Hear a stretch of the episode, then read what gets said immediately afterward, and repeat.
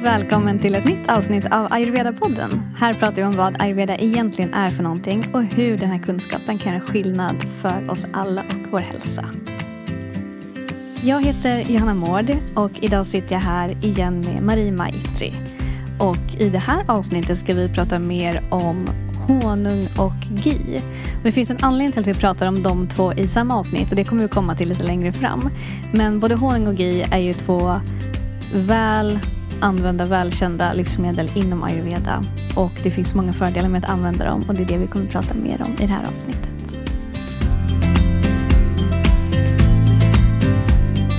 Så välkommen Marie. Tack Johanna. Hur mår du idag? Är helt fantastiskt. Jag har haft en så himla, himla fin helg. Jag har tagit en ny riktning i livet eftersom det har varit nyår. och Jag gillar att göra det och jag har gjort mig av med gammalt. Jag kan känna den kraften i mig. Jag känner hur inspirerad och motiverad jag är. Och det räcker med att jag tar beslut för att känna den här inspirationen och motivationen.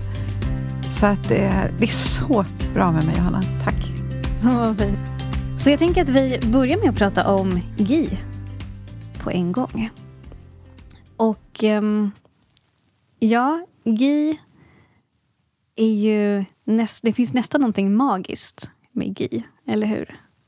Och inom ayurveda har man använt GI i många tusen år och det används mycket inom liksom, spirituella practices också.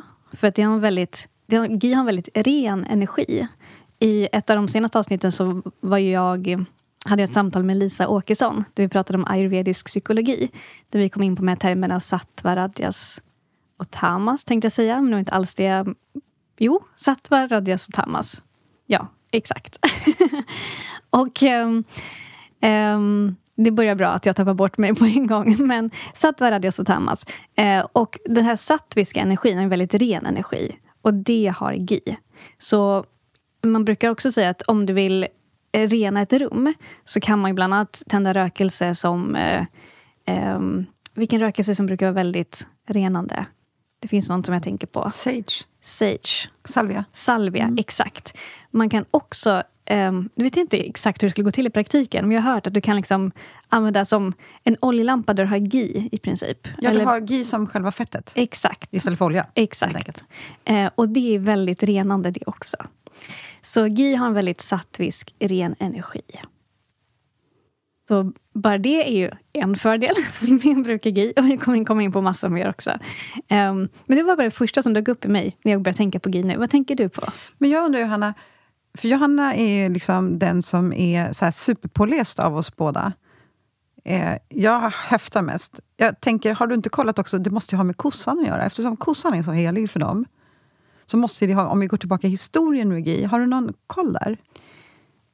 Det har jag inte läst på mer om just nu. Um, så det kan jag inte riktigt svara på. Men visst måste det finnas någonting där, tänker jag. Säkert. Eftersom deras kossor går omkring där som gudar, liksom. Mm. Överallt. De står på restauranger. Och de, alltså, ja, men, det är så fantastisk vet. relation. Jag tänker att GIT kommer ju ändå i funktion. Ja, så jag tänker att i förlängningen, jag ska kolla upp det här. Mm. Eh, ja. ja. men gör det. Men det, exakt, för det är klart att um, också inom ayurveda kan man ju prata en del liksom för eh, med ghee och mjölk som är liksom mejeriprodukter som inte alltid har så jättegott rykte i väst idag, upplever jag.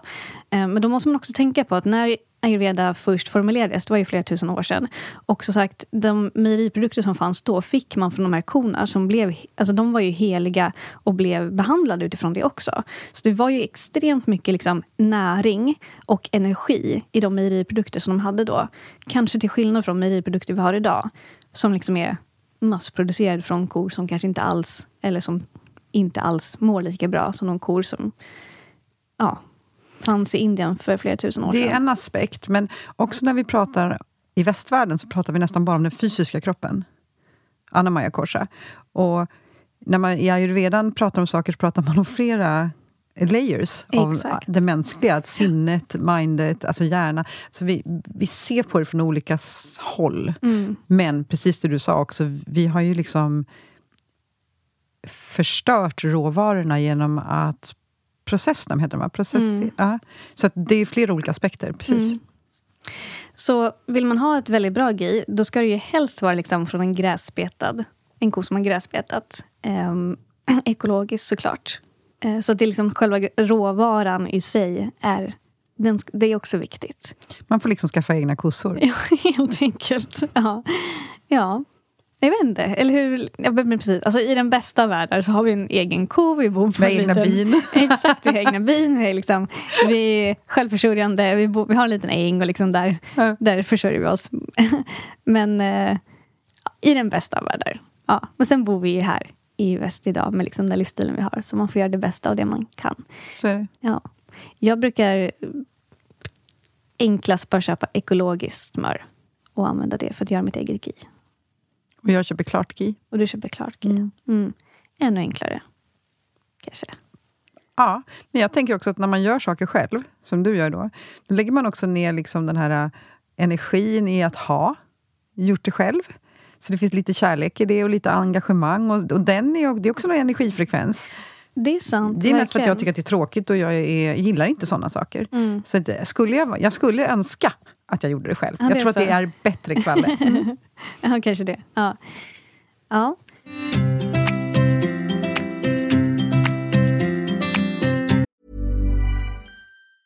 There's never been a faster or easier way to start your weight loss journey than with plush care. PlushCare accepts most insurance plans and gives you online access to board-certified physicians who can prescribe FDA-approved weight loss medications like Wigovi and Zepbound for those who qualify. Take charge of your health and speak with a board-certified physician about a weight loss plan that's right for you. Get started today at plushcare.com slash weight loss. That's plushcare.com slash weight loss. plushcare.com slash weight loss.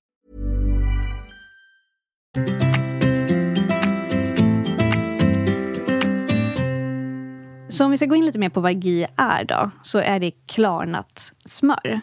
Eh, så om du gör GI själv så kan du köpa vanligt ekologiskt smör. Och sen så värmer du det.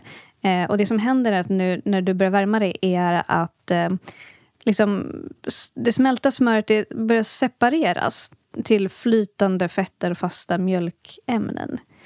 Och då finns det liksom ämnen i det här smöret som flyter upp till ytan som, inte, som vi tar bort för att det ska bli GI helt enkelt. Så GI är liksom bara det bästa av smöret skulle man kunna säga.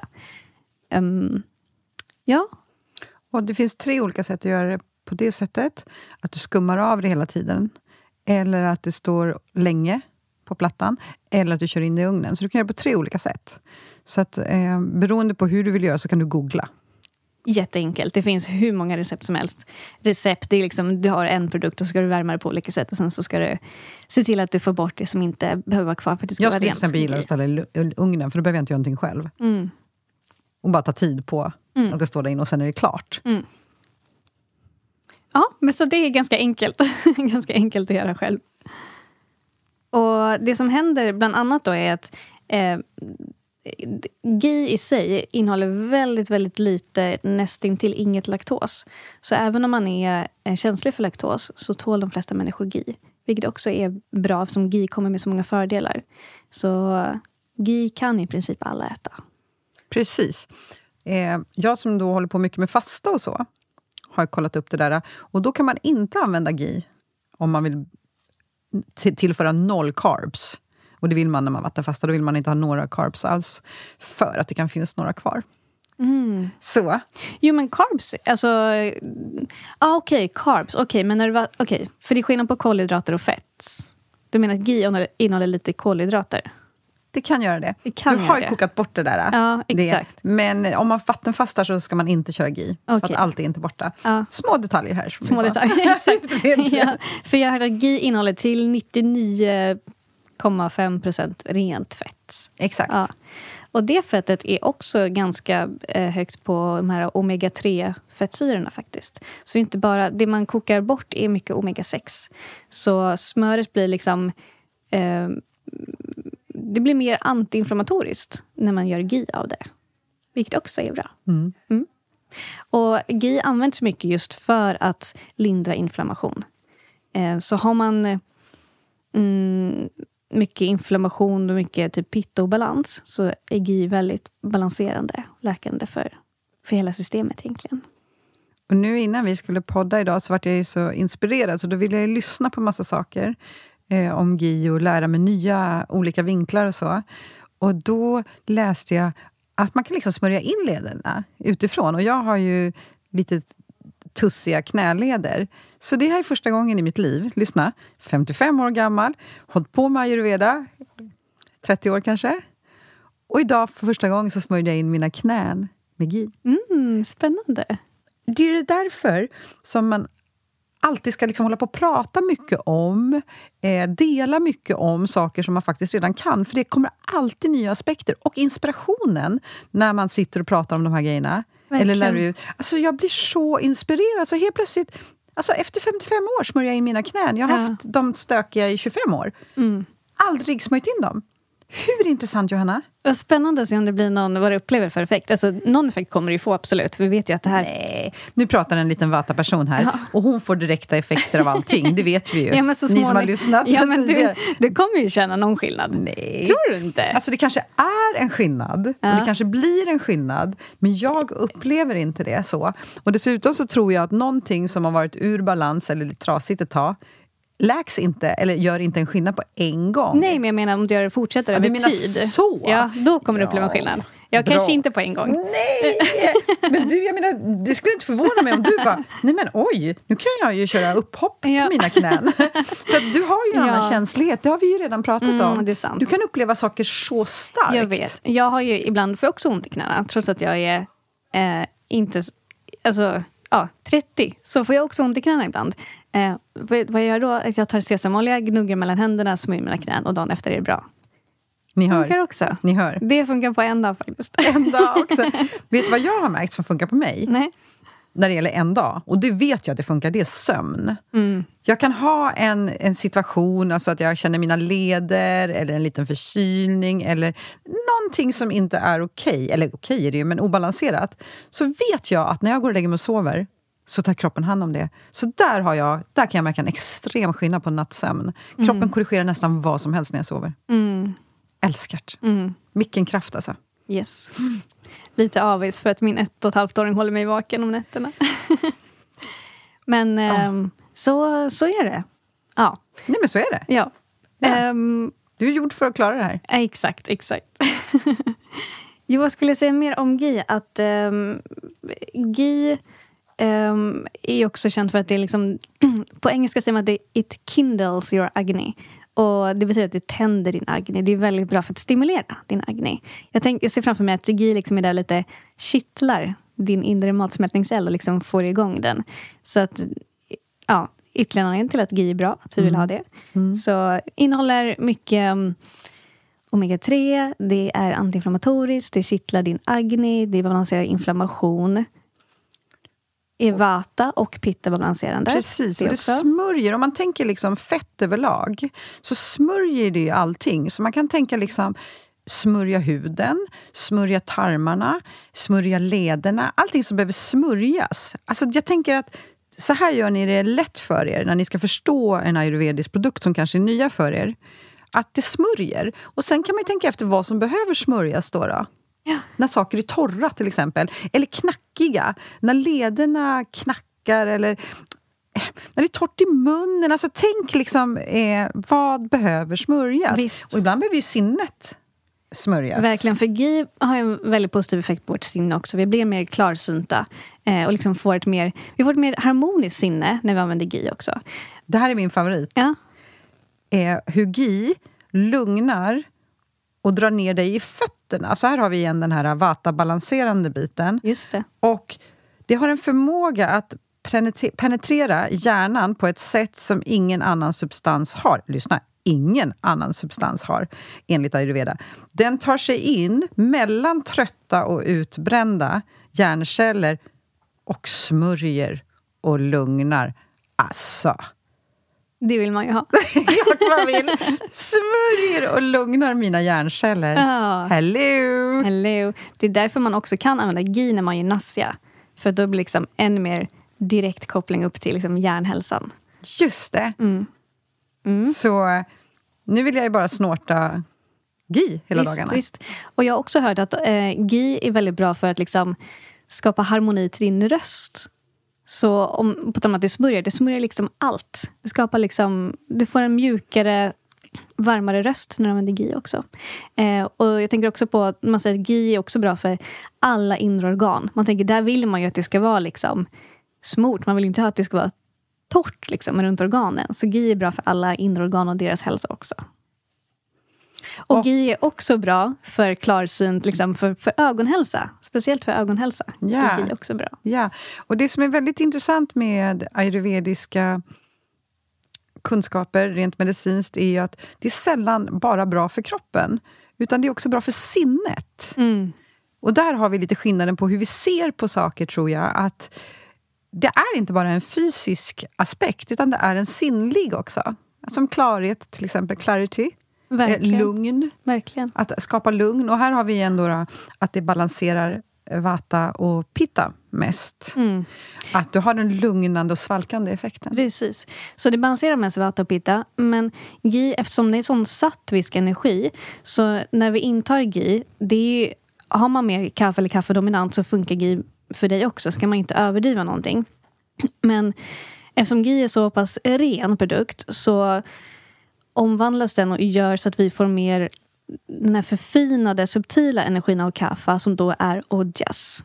Så GI hjälper oss alla att fylla på med ojas. Och även om man har mycket kaffe så mår man ju bra av liksom att ja, men ha ojas.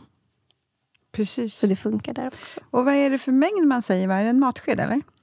Jag har hört, det senaste jag hörde var två teskedar per dag. Men det, återigen, det beror på. Vem det är, vad det är för årstid, hur man mår och så vidare. Alltså det är liksom ett mått man kan hålla sig till. För annars vet jag, om man ska ta i mjölk, om man är förstoppad eller så på kvällen, då är det en matsked som rekommenderas. Okay. Mm. Så om man håller sig till två teskedar som en ram, om man nu skulle vilja köra GI varje dag, så är två teskedar en bra. Exakt. Mm. Jag tror att två teskedar GI är bra liksom, som minimum kanske. Och och, och, och, det är nog ut, liksom, om man utgår från att man är frisk, att man är liksom i balans, att man mår ganska bra. Så två teskedar GI per dag är bra. Sen kan du behöva använda det i, mer i olika sammanhang om du ska balansera någonting särskilt. Och medicinskt tänker jag, då Exakt. har vi andra doser. Liksom. Exakt, mm. verkligen. Den är också intressant vid stress. Mm. För att eh, när man är stressad så förbränner kroppen, kroppen oftast mycket fett. Mm och att den kan bränna ut sig och bli lite torftig här. Och då, om man tillsätter en matsked GI, då pratar vi medicinskt då, då, i, i maten om dagen, så smörjer det på ett hälsosamt sätt i en smörjer. Och så tar det bort alla, du ska ta bort också alla former av friterad mat och undvika också för mycket olivolja under stress. Så att här kan vi se hur fetter eh, är olika. Så olivolja, nej. Men GI, ja. Just det, vid stress ja. specifikt. Ja. Mm, intressant. Jätte. Mm. Det här är ju så, det är så kul att sitta och prata med dig om de här grejerna, mm. Johanna. För jag kan inte komma på någonting som är mer intressant i livet än min hälsa. Mm. Och då menar jag inte bara min fysiska hälsa, utan jag menar också den här energin, kreativiteten, eh, omtänksamhet, finnas där för andra människor. Det är så mycket som är innefattat i hälsa. Absolut. Och alla de här små aspekterna som vi pratar om, som kan tillföra ojas, livselixiret är just på alla nivåer. Mm, verkligen. Och att lära sig mera om ojas. Hur mm. ska jag inte göra? ja. ja. ja. Så här ska, det här skulle du inte göra när du var stressad. Inte mera fetter, men GI går bra. Ja, mm. exakt. exakt. Mm. Och jag har också läst att eh, GI fungerar... Um, att det anses vara liksom alkaliskt bildande, heter det. Vilket kan hjälpa oss att balansera kroppens pH också. Och det är inte helt ovanligt att man går runt och är lite försurad idag. Och det skapar ju obalans på massa olika sätt. Och kanske särskilt kan jag tänka mig om man har mycket pitta i sig. Just. Att det försurar liksom in i miljön. Och återigen då, försurning, då behöver man göra en pitta-balanserande kost och livsstil. Och då funkar GI superbra där. Och vilket också är logiskt eftersom GI balanserar ditt pH. Eller hur? Och så tror vi att GI är svalkande också va? Mm. Vilket också är pitta Exakt, exakt. Säger jag lite så här, mm, men lite så här frågetecken. För jag är, det kan mycket väl vara så. Jag bara kommer inte på att jag har läst det. Men det kan nog vara så. Jag vet att GI kan vara... För pitta kan ju ha lite med trixigt med ögonen. Lite trött och torr och sådär. Och då är det väldigt bra, till exempel när man går och lägger sig, och lägga GI på ögonlocken. Så svalkar mm. det den här pittan. Inte att rekommendera om man behöver använda ögonen För att det har en tendens att sjunka in i ögonen, så blir man lite så flummig, man ser inte så bra. Så att, eh, när jag har gjort det dagtid så har det inte varit någon bra idé alls. Utan mm. innan man går och lägger sig, så när man inte behöver titta, då är det jättebra att svalka. Mm. Mm. På tal om någonting annat. Eh, men jag, alltså, jag sagt, nämnde det bara för att gå tillbaka, för att inte släppa det helt. Men GI är ju bra för ögonen, liksom, vår ögonhälsa också. Eh, och eh, det jag skulle säga var att GI är också, innehåller mycket smörsyra, har jag hört. Kan du någonting om smörsyra? Det kan jag. Ja. Va, kan du lära mig någonting om smörsyra? Jag önskar att jag kunde det. Jag har lärt mig jättemycket om smörsyra. Eh, för att det är så himla bra för människor som har problem med tarmarna. Mm.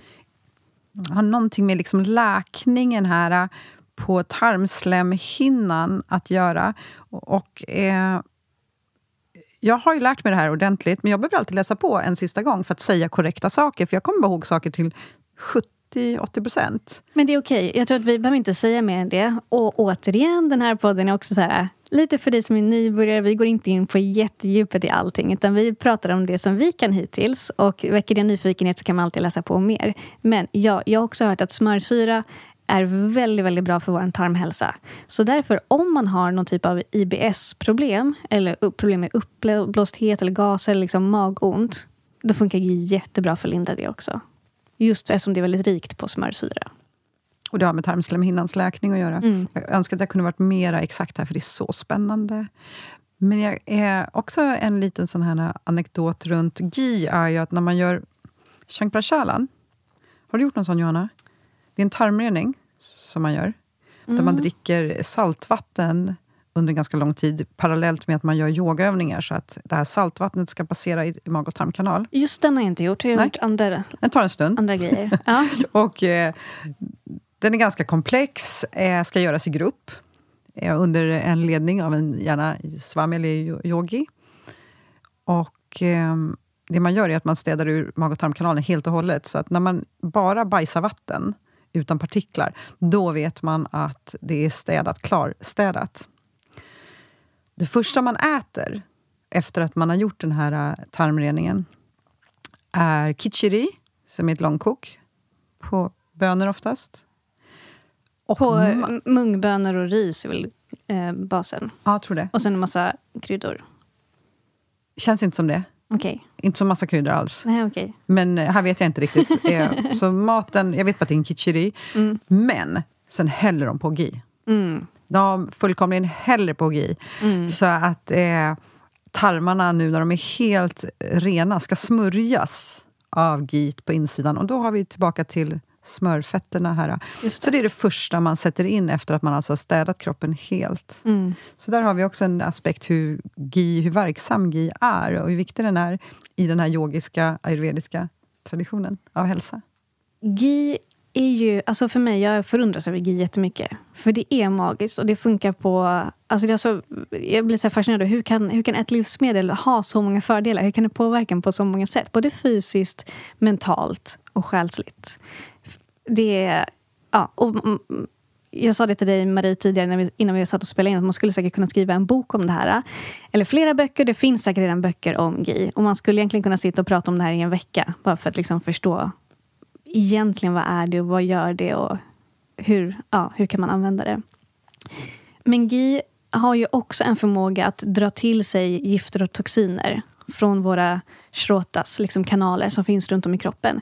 Och liksom hämta ama i princip från, ja, men från dina celler, liksom från mm, olika delar i kroppen och dra det till mag-tarmkanalen och hjälpa dig att flasha ut det. Och där har vi också när vi gör panchakarma.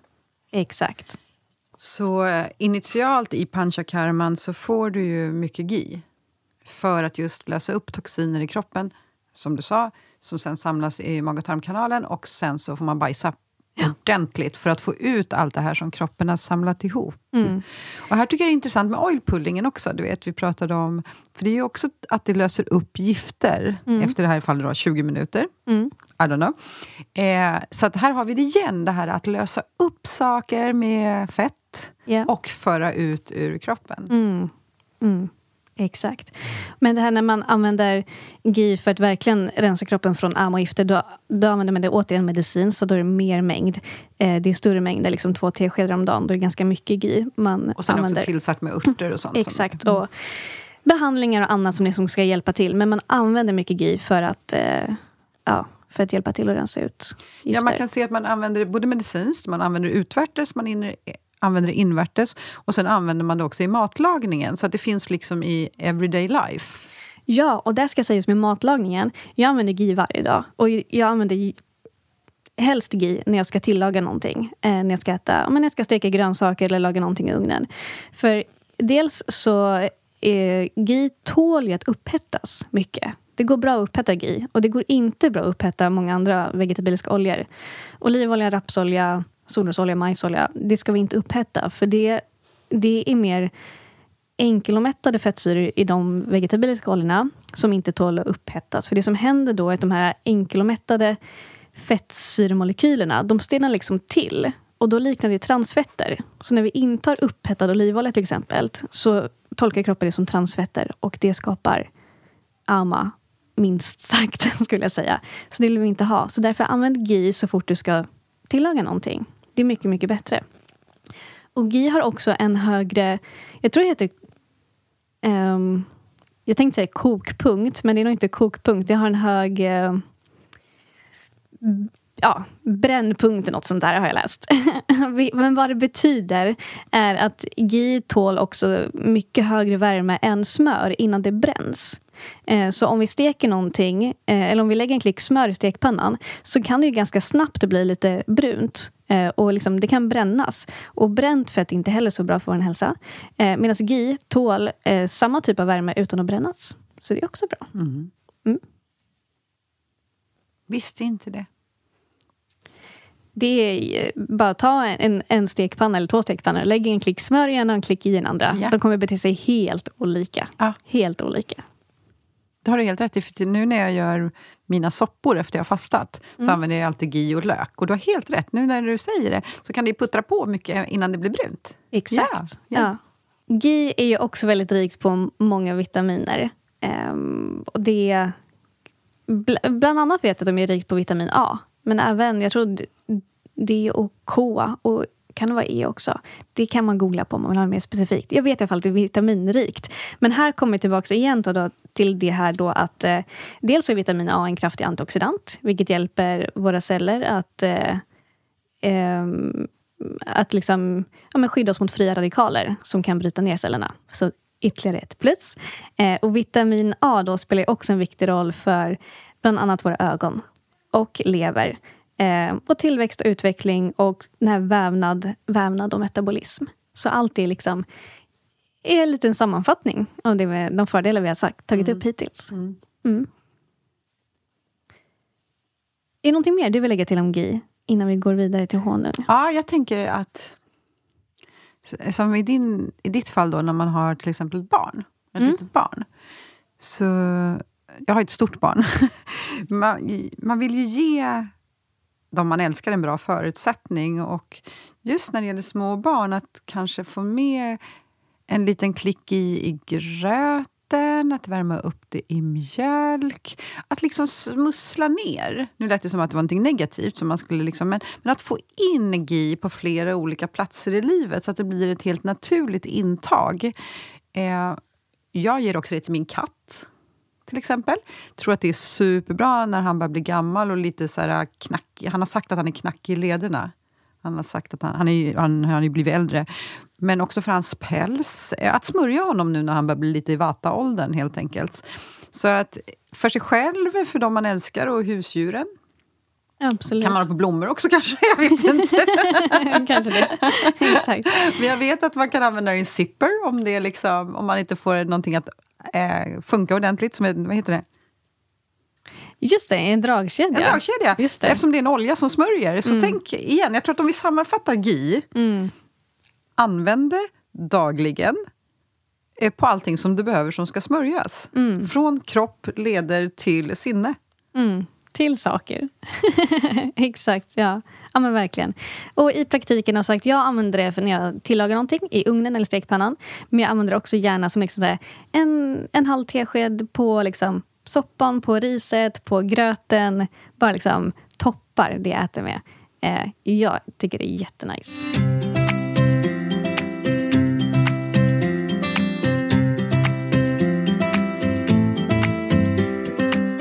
Hej! Nu vill jag bara dela med mig av ännu en värdefull sak för dig. Det är nämligen så att vår samarbetspartner till det här avsnittet är Gryningen. Gryningen är en ekologisk hälsobutik som såklart säljer både GI och rå honung. Och som du redan hört finns det mängder av fördelar med att använda GI och det allra enklaste är såklart att köpa en burk färdig ekologisk GI som du hittar på gryningen.eu. Vi kommer snart komma in på alla fördelar med råhonung och när du hört det så tror jag att du även kommer vilja unna dig en burk av just råhonung som du också hittar på gryningen.eu. Förutom dessa två fantastiska och unika produkter har Gryningen ett stort utbud av fler ekologiska produkter för både din hälsa och ditt hem. De har bland annat en hel ayurvedisk kategori på deras webbshop. Så förutom ghee och rå honung så kan du även hitta massageolja för abhyanga, garshanhandskar, näskanna om du inte redan har det, teer för de olika doscherna, nötter, kryddor, eteriska oljor och hudvård med mera. Och det bästa av allt är att du som lyssnare får 10% rabatt på ett helt köp när du anger koden Johanna med stora bokstäver. Så in på gryningen.eu och ange koden Johanna med stora bokstäver för att få hem dina ayurvediska och ekologiska produkter med 10% rabatt.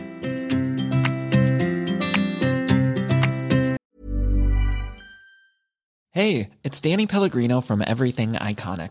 Ready to upgrade your style game without blowing your budget? Check out Quince. They've got all the good stuff shirts and polos, activewear, and fine leather goods, all at 50 to 80% less than other high end brands.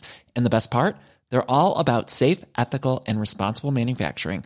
Get that luxury vibe without the luxury price tag. Hit up quince.com slash upgrade for free shipping and 365 day returns on your next order. That's quince.com slash upgrade.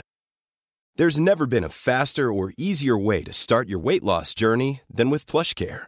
PlushCare accepts most insurance plans and gives you online access to board-certified physicians who can prescribe FDA-approved weight loss medications like Wigovi and Zepbound for those who qualify. Take charge of your health and speak with a board-certified physician about a weight loss plan that's right for you. Get started today at plushcare.com slash weight loss. That's plushcare.com slash weight loss. plushcare.com slash weight loss.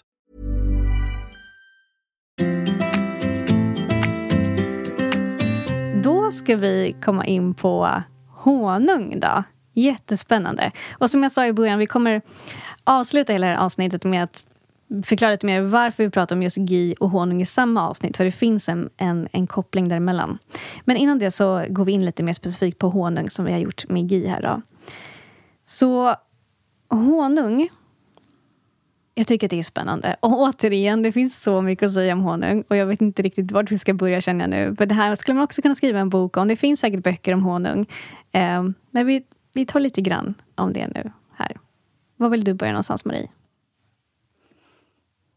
Jag tror att jag vill börja med att eh, beskriva att många av de här grejerna som vi pratar om i ayurvedan, som eh, gi och honung, är de är unexplainable. Alltså, många av sakerna som är bra med dem, det vill säga hur det påverkar oss och vår hälsa, är oförklarbara. Det man behöver göra är att uppleva det. I väst som vanligt vill vi lägga saker under en lupp och vi vill ha forskning på det som säger att så här och så här är det. Och det har liksom blivit våra gudar på något sätt. Forskning. Men eh, glöm det när det kommer till ayurveda. För att vissa saker går inte att förklara, vi bara vet att det funkar. Så att gör det till en egen erfarenhet och upplevelse. Och precis som eh, Gi är en rasjana. Rasayana, säger jag. Ja, ja, jag har inte alltid lätt för de här sanskrit-uttrycken. och, och, och, det betyder att det är... Eh, ja, eh, föryngrande, kan man säga det? Eller att det ger liksom välbefinnande? Eller hur förklarar du det, Sarjana? Är det, själva ordet betyder väg av väsen. Mm. Och det är en medicinsk term som hänvisar till tekniker för att förlänga livslängd och stärka kroppen. Och Det är ett helt stort eget område inom ayurvedan. Absolut. Och där ingår också git. Mm. Så för att förenkla den förklaringen så är det att det, så, det är någonting som påverkar både fysiska kroppen och sinnet. Så både body, mind and spirit. Mm. Det kan man väl säga om de här yes. ämnena. Då, då, Och sen så är ju, tänker jag om vi går till vardagsmässigt hur vi ser på honung i Sverige så tänker jag att de flesta människor som älskar att dricka te tänker att det är så gott och så nyttigt att ta honung i teet och så är många också uppväxta. Och här är det då en jättebra kunskap som ayurvedan har. Och det är att honung ska inte värmas upp på något sätt över 38-40 grader. Det ska inte bakas med, det ska inte ner i teet. För... Det ska inte marineras och sen grillas. Det ska inte värmas helt Det enkelt. ska inte marineras och in i ugnen. Det ska liksom... Det ska, ha, det ska inte, exakt, det ska inte värmas. Och Det här tänker jag är en kunskap som vi verkligen vill sprida. För att det är ju så vi annars är vana att använda oss av honung. Så att bara att ni lär er det, att den, om du vill ha den i teet eller i varmt vatten så ska det alltså vara fingertoppsvärme, heter det va? Mm. Men vänta här nu så ska jag berätta ett jättekonstigt ord. Mm. För när, om vi värmer honung så är det så att alla de här enzymerna och vitaminerna och allt annat som finns i honungen, det dör. Så där har du liksom att det har neutraliserats bort alla braiga saker med honungen. Men inte nog med det, det blir dessutom toxiskt. Och då skapas det här. Lyssna på det här ämnet, Johanna. Hydroxynetylfurfural har en förkortning på ett HMF. Det skapas av honungen och det är inte bra. Men sen är det också så att molekylerna de blir som klister i systemet. Och vi vill inte ha klister i systemet. Det är som med, med vete, gluten och de här grejerna. Vi vill inte klistra igen saker. Vi vill öka flödet. Så jag tänker att nu fick ni lite överinformation, men ifrån alltså att det är extremt bra för oss, och det kommer Johanna kunna berätta om jättemycket mer, så vart det alltså toxiskt när vi värmer upp det. Och nu har ni det där ordet. Nu har jag gett det. Ja, men exakt, så nu kan ni det. Precis. Ja. ja. Nej, så men, det tänker jag. Ja, exakt. Jag har exakt samma information. Liksom att det som händer är att ja, men molekylerna funkar inte när de upphettas, molekylerna i honung alltså. Det blir som lim som fäster på slemhinnor och täpper till de här subtila kanalerna och producerar toxiner. Kloggar igen systemet. Exakt, ja. exakt. Så vi vill ha, istället vill vi ha rå honung. Rå honung som vi äter direkt ur, ur burk helt enkelt. Nu är vi inne på att vi måste ha egna bin. Exakt, vi måste skaffa egna kor och egna bin. tar du korna så tar jag bina. Mm, ja, men exakt, det är bra. Då kan vi hjälpas åt lite grann i alla fall. ja. Nej, men rå, rå honung, vad betyder det då, Johanna? Eh, Ja, rå honung, jag tänkte bara säga att det, det går ju att få tag på, det är inte omöjligt. Liksom. Men man behöver bara vara, göra medvetna val. Som liksom mycket, vill du ta hand om din hälsa på riktigt så behöver du bli medveten och göra medvetna val kring det. Och rå honung, det betyder att den inte är upphettad framför allt. Den är alltså inte pasteuriserad. För det som händer när man har upphettat någonting är ju Ja, nu vet ni varför man inte ska göra det med honung. Men det finns mycket andra livsmedel i matbutikerna som är pasteuriserade. Och Det betyder att det är upphettat så att bakterier inte eh, ska frodas vilket kan låta positivt. Det säger väl visst positivt. Men mycket mat förlorar ju dels prana när det är upphettat. Och sen är det också den här naturliga mikrobiella... Liksom, det finns ju mycket hälsosamma bakterier i mat som inte är upphettat också. Som vi går miste om när vi äter pasteuriserade produkter. Men honung ska vi absolut inte vara upphettad. Och tyvärr så tror jag att mycket honung som finns på matbutikerna idag som står på hyllorna, de är upphettade. Jag skulle nog våga säga mestadels. Mm, det är så. Och sen är det också så att det finns också massa fusk med mm. honungsindustrin. Men, och varför de upphettar honungen? Det är för att den ska ha lång hållbarhet. Liksom, och, ja, det är väl framför allt det. Mm. Och Men inte de- bli dålig när den står där på hyllan. Men de drygar ut den också och tillsätter... Men, men så kan jag bara säga, det jag sa nyss, det har jag faktiskt ingen fakta på. Det är bara någonting som jag tror. Men jag har också hört att de har hittat liksom honung i pyramiderna från Egypten som liksom är bra. Så varför skulle man behöva upphetta det för att det ska hålla i några år? Jag vet inte. Mm. Nej. Nej, det här har vi inget svar på. Jag bara tänker lite högt. Jag tror att i en bakterierädd kultur Så är det nog. så är det så här, better safe than sorry. Mm. Istället för Exakt. att se från näringsaspekten. Just det. Så jag tror att det kan vara så. Vi är livrädda Ja. för att sprida smittor. Och, mm. Så utan att veta exakt så säger vi att det låter rimligt. Det kan, det kan vara det. Ja, men vi provpratar. ja, ja, precis. Ja. Ja. Ja. Vad var det du skulle säga? Jo, att man fuskar ju en del med honung. Det vet ni ju nu. Alltså, det här är en aspekt. Är, när jag coachar eh, människor, när jag till exempel vill att män, det är oftast män, ska äta bättre och ta reda på mera vad de sätter i sig, då sätter jag den här boken, Den hemliga kocken, i famnen på dem. För man vill inte bli lurad. Nej. Och här, i den här boken, så framgår det så mycket om hur lurade vi blir när det gäller mat. Och här vet vi då till exempel olivoljor som har kommit in i Sverige och som inte innehåller olivolja, men så säljs som det. Och om vi då går tillbaka till honungen, så är det samma sak här. Vi tror ju att när vi köper en honung på hyllan, att den är ren honung. Men den är inte alltid det. Och utan att fördjupa oss i det, så om du köper ekologisk rå honung, då kommer du undan allt det här. Men du kan också testa din honung. För jag tänker att nu när ni lyssnar på det här så blir ni så himla nyfikna på, har jag en ren honung hemma? Och då finns det tre olika sätt du kan testa det på. Så ett sätt, det är att du droppar lite honung i ett glas vatten. Och om den sjunker till botten på en gång, då är den ren. Om det tar lite tid, då är den utblandad med socker. Mm. Vill man det? Nej, det vill man inte. Och Sen så kan du också doppa en veke på ett ljus i honung och försöka tända det. Och om det brinner, då är det äkta honung. Mhm. Om det inte brinner, då betyder det att den är utblandad med till exempel vatten. Eller häll lite honung på en bomullstuss och tänd på, tycker jag låter lite avancerat. Men om lågan är tyst, då är det ren honung. Och om det sprakar så är den igen utblandad. Okej. Och sen har du tredje testen och det är att faktiskt kleta lite honung på en vit tygbit, på en fläck. Och om eh, fläcken är kvar efter tvätt så är honungen inte ren.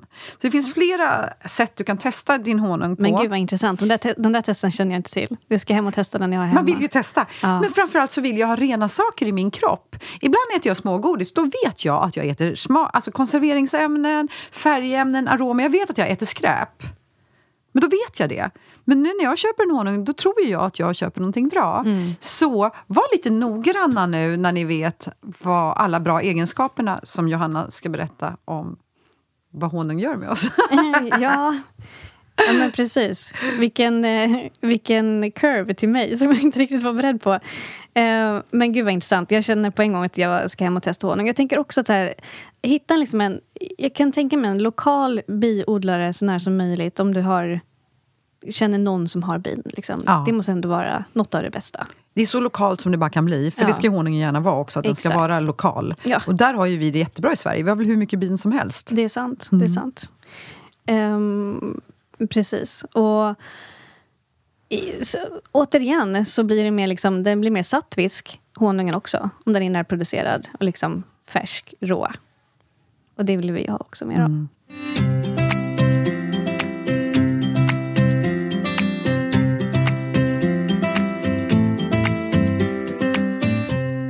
Honung då? Här kommer lite mer intressant fakta om honung. Precis som allt så finns ju... Eh, du och jag har i tidigare avsnitt Marie pratat om att de sex smakerna. Och att alla livsmedel innehåller liksom en kombination och liksom är dominant i någon eller några av de, de sex smakerna. Och honung då? Vilka, vilka två smaker tror du är dominanta i honung? Det en är ju ganska uppenbart. Alltså söt är uppenbart. Och Exakt. sen har du den kärva. Exakt, precis. Och det här, exakt, exakt. Och det här kanske inte många tänker på. Det här kan ju också vara ett det skulle kunna vara ett test själv. Så om du tar en, en sked honung hemma av den du har och smakar. Och om den bara är söt så är den troligtvis antingen eh, tillsatt med socker eller så kanske bina har liksom blivit eh, Um, men kan, man kan liksom ha, vad heter det? Ja, men behandlat bina på något sätt, eller blommorna, så att liksom honungen ska bli sötare och den är inte naturlig. Mm. För en ren, naturlig råhonung är först söt, men sen kommer den här kärva eftersmaken. Så att det liksom lite fastnar på tungan. Så det är också en, en, en råhonung är både söt och lite, lite kärv.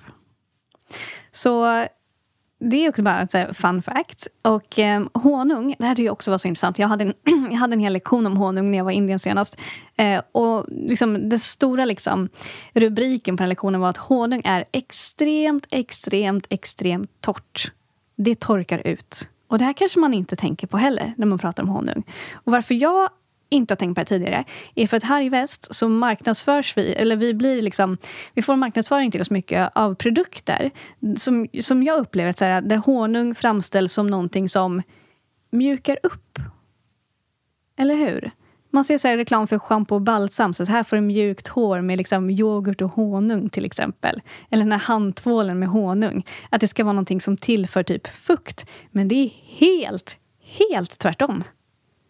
Kan du känna igen att du har sett sån typ av reklam? Gud, det är den associationen vi har. Eller hur? Eller den associationen vi har fått. Exakt. Men honung kan inte återfukta. Det finns inte. Alltså de kvaliteterna i råvaran honung finns inte där. Så honung torkar ut. Så om du har torrt hår eller om du vill eller om du inte vill ha torrt hår, använd inte produkter med honung i liksom hud och hårvård. Om du har en ansiktstvätt med honung, det kommer torka ut din hy. Så om du har jätteoljig hy, då kan du använda det. Men har du torr hy, använd inte honung i hudvårdsprodukter, för det torkar ut. Mm. Och Det är därför också som honung kan användas särskilt medicinskt för att balansera en kaffeobalans. För har man en kaffeobalans, då har man ju mer av elementen vatten och jord. Och då behöver man ju torka upp det. Och då funkar honung jättebra.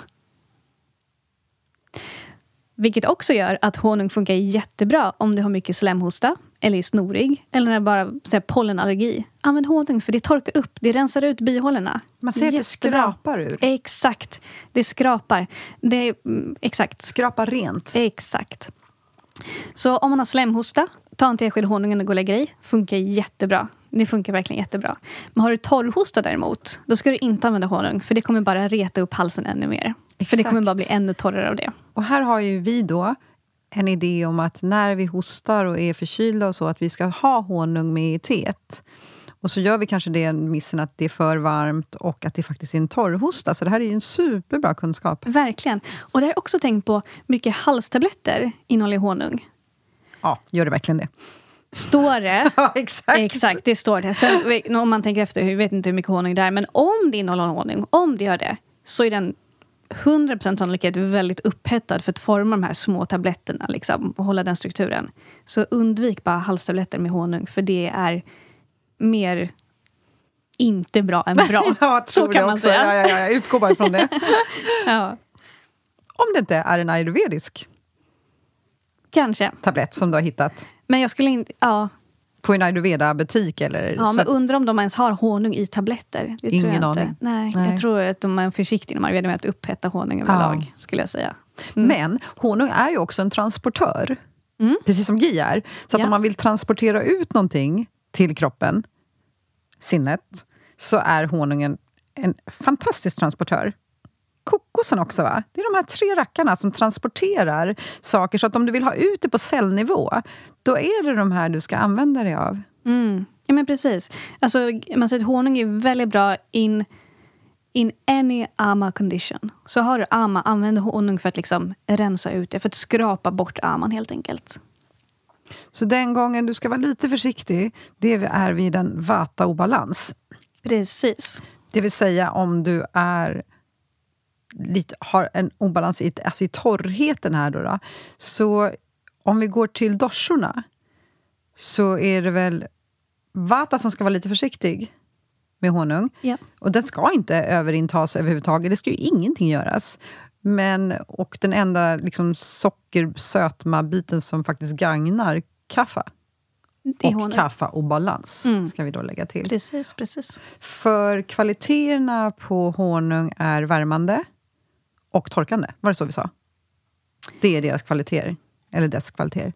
Yes. Och eftersom att, eh, eftersom att honung är så torkande, så om man har mycket, till exempel diarré, så kan man använda honung för att liksom torka upp. Det kan också vara en kur där. Ah. Så när vi tänkte GI, då tänkte vi smörj. Mm. När vi tänker honung, då tänker vi torka, Torka. ur. Exakt. ja, och mjukus tänker jag. Vad heter det på svenska? Men är slem. Ja. Ja, allt slem då, då Mm. så är, har, har honungen, hjälper den till och skrapar och torkar ur. Och, men också höjer temperaturen eftersom den är värmande. Allting annat sött är annars svalkande. Just det. Det är bara honungen som har den aspekten att det faktiskt är värmande. Mm.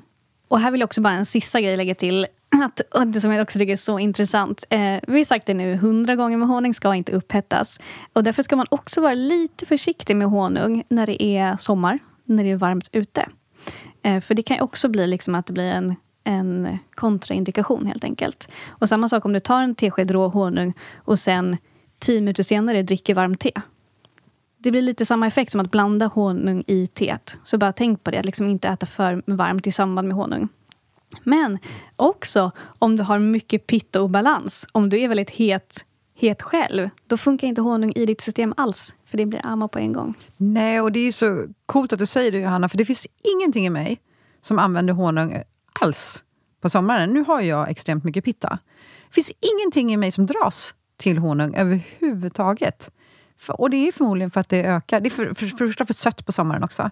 Medan nu, på vintern och hösten, alltså då är det så här värmande, det är totalt...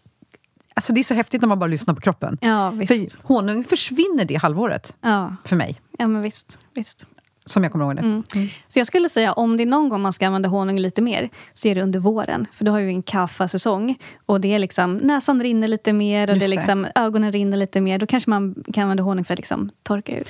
Ja, och det är inte långt borta nu om vi liksom kollar på tidsperioden nu. För att våren rent ayurvediskt, den börjar vi redan i februari-mars om vi kollar på svenskt. När, när det börjar sjunka undan i jordarna. Ja, precis. När vattnet börjar rinna undan, va? Exakt. Och sen Det beror på ju, lite. Mm. Exakt, det beror på. Sverige är ett långt land. Våren kommer fortare i Skåne än i högst upp. Och, Det går aldrig att säga saker exakt. det beror på. Ja.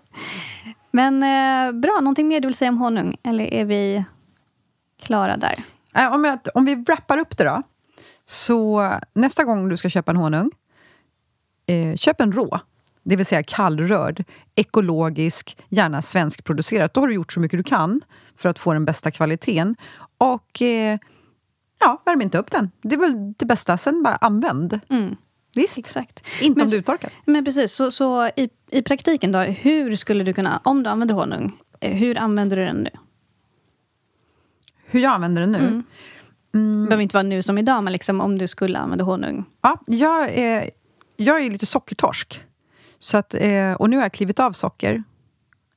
Men det innebär inte att jag har klivit av honung. Så när du frågar mig hur jag använder det nu så tar jag en halv tesked för att tillgodose min behov av sötma i livet. Men inte äter socker. Så det var mitt tips. Jag använder inte honung i te. Mm. För att det är inte så jag dricker te. Nej. Så att då en halv till en tesked honung för att njuta. Du då, Johanna? Jag använder det när jag eh, är förkyld.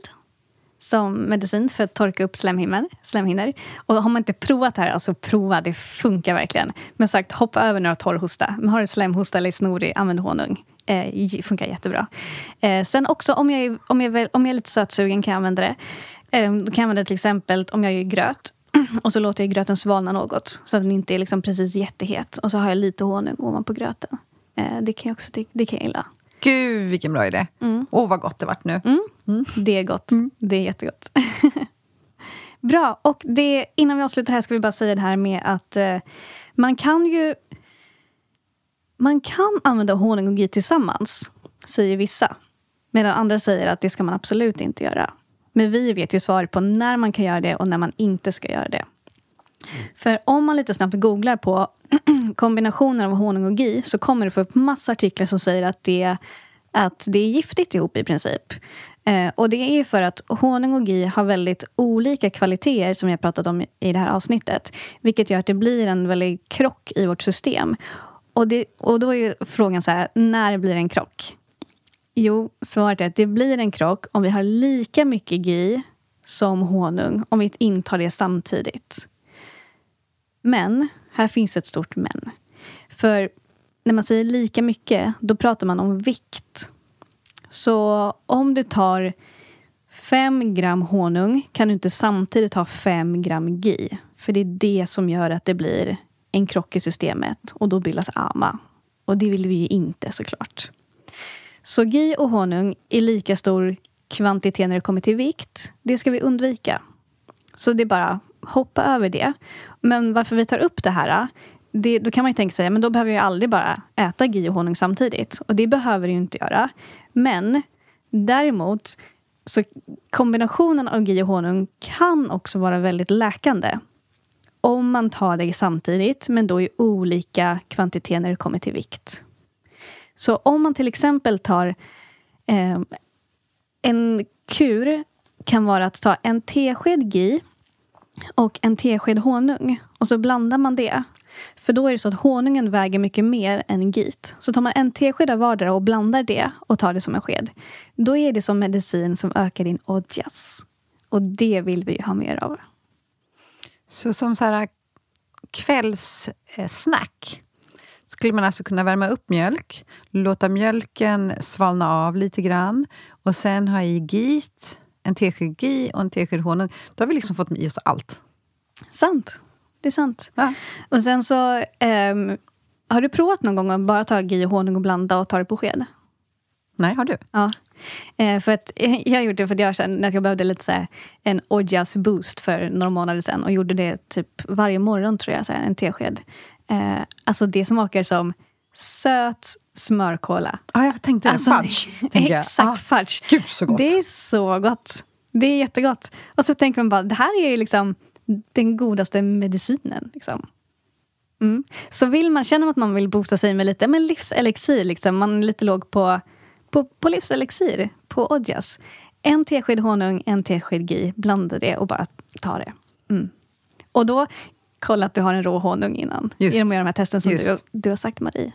Mm. Eller bara köp den rå. eller, eller, exakt, eller bara köp en rå.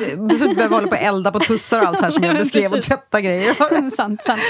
Kanske om man ska göra det ännu enklast, så bara köp en rå. Ja. Bra! Det var det vi hade nu. Och dela med oss av Ghee och honung. Eh, som sagt, det finns hur mycket mer som helst att säga om det här. Men vi ville prata lite grann om det nu. För Ghee och honung kommer man ofta i kontakt med när man börjar prata mer om ayurveda. Så nu vill vi dela med oss av en del i alla fall. Jag hoppas att du uppskattade det. Och om du gillade det här avsnittet så lämna gärna en review. Eh, skriv till mig att du gillade det på ayurveda-podden på Instagram. Och dela med dig av, dina, av det till dina vänner som du tror kommer uppskatta det. Och ta hand om dig så hörs vi snart igen. Namaste.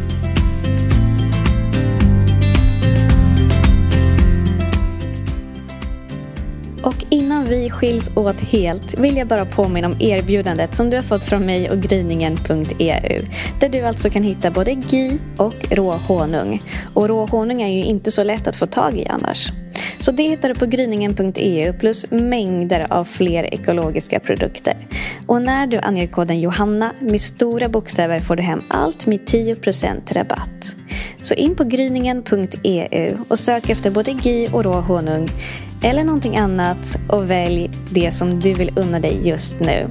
Och med koden Johanna i stora bokstäver får du hem precis det du vill ha för 10% rabatt. Tack Gryningen för det fantastiska samarbetet.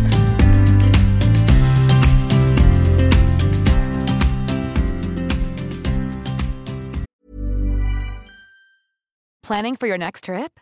Elevate your travel style with Quince. Quince has all the jet setting essentials you'll want for your next getaway, like European linen, premium luggage options, buttery soft Italian leather bags, and so much more. And is all priced at 50 to 80% less than similar brands.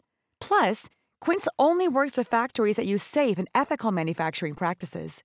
Pack your bags with high-quality essentials you'll be wearing for vacations to come with Quince. Go to quince.com slash pack for free shipping and 365-day returns.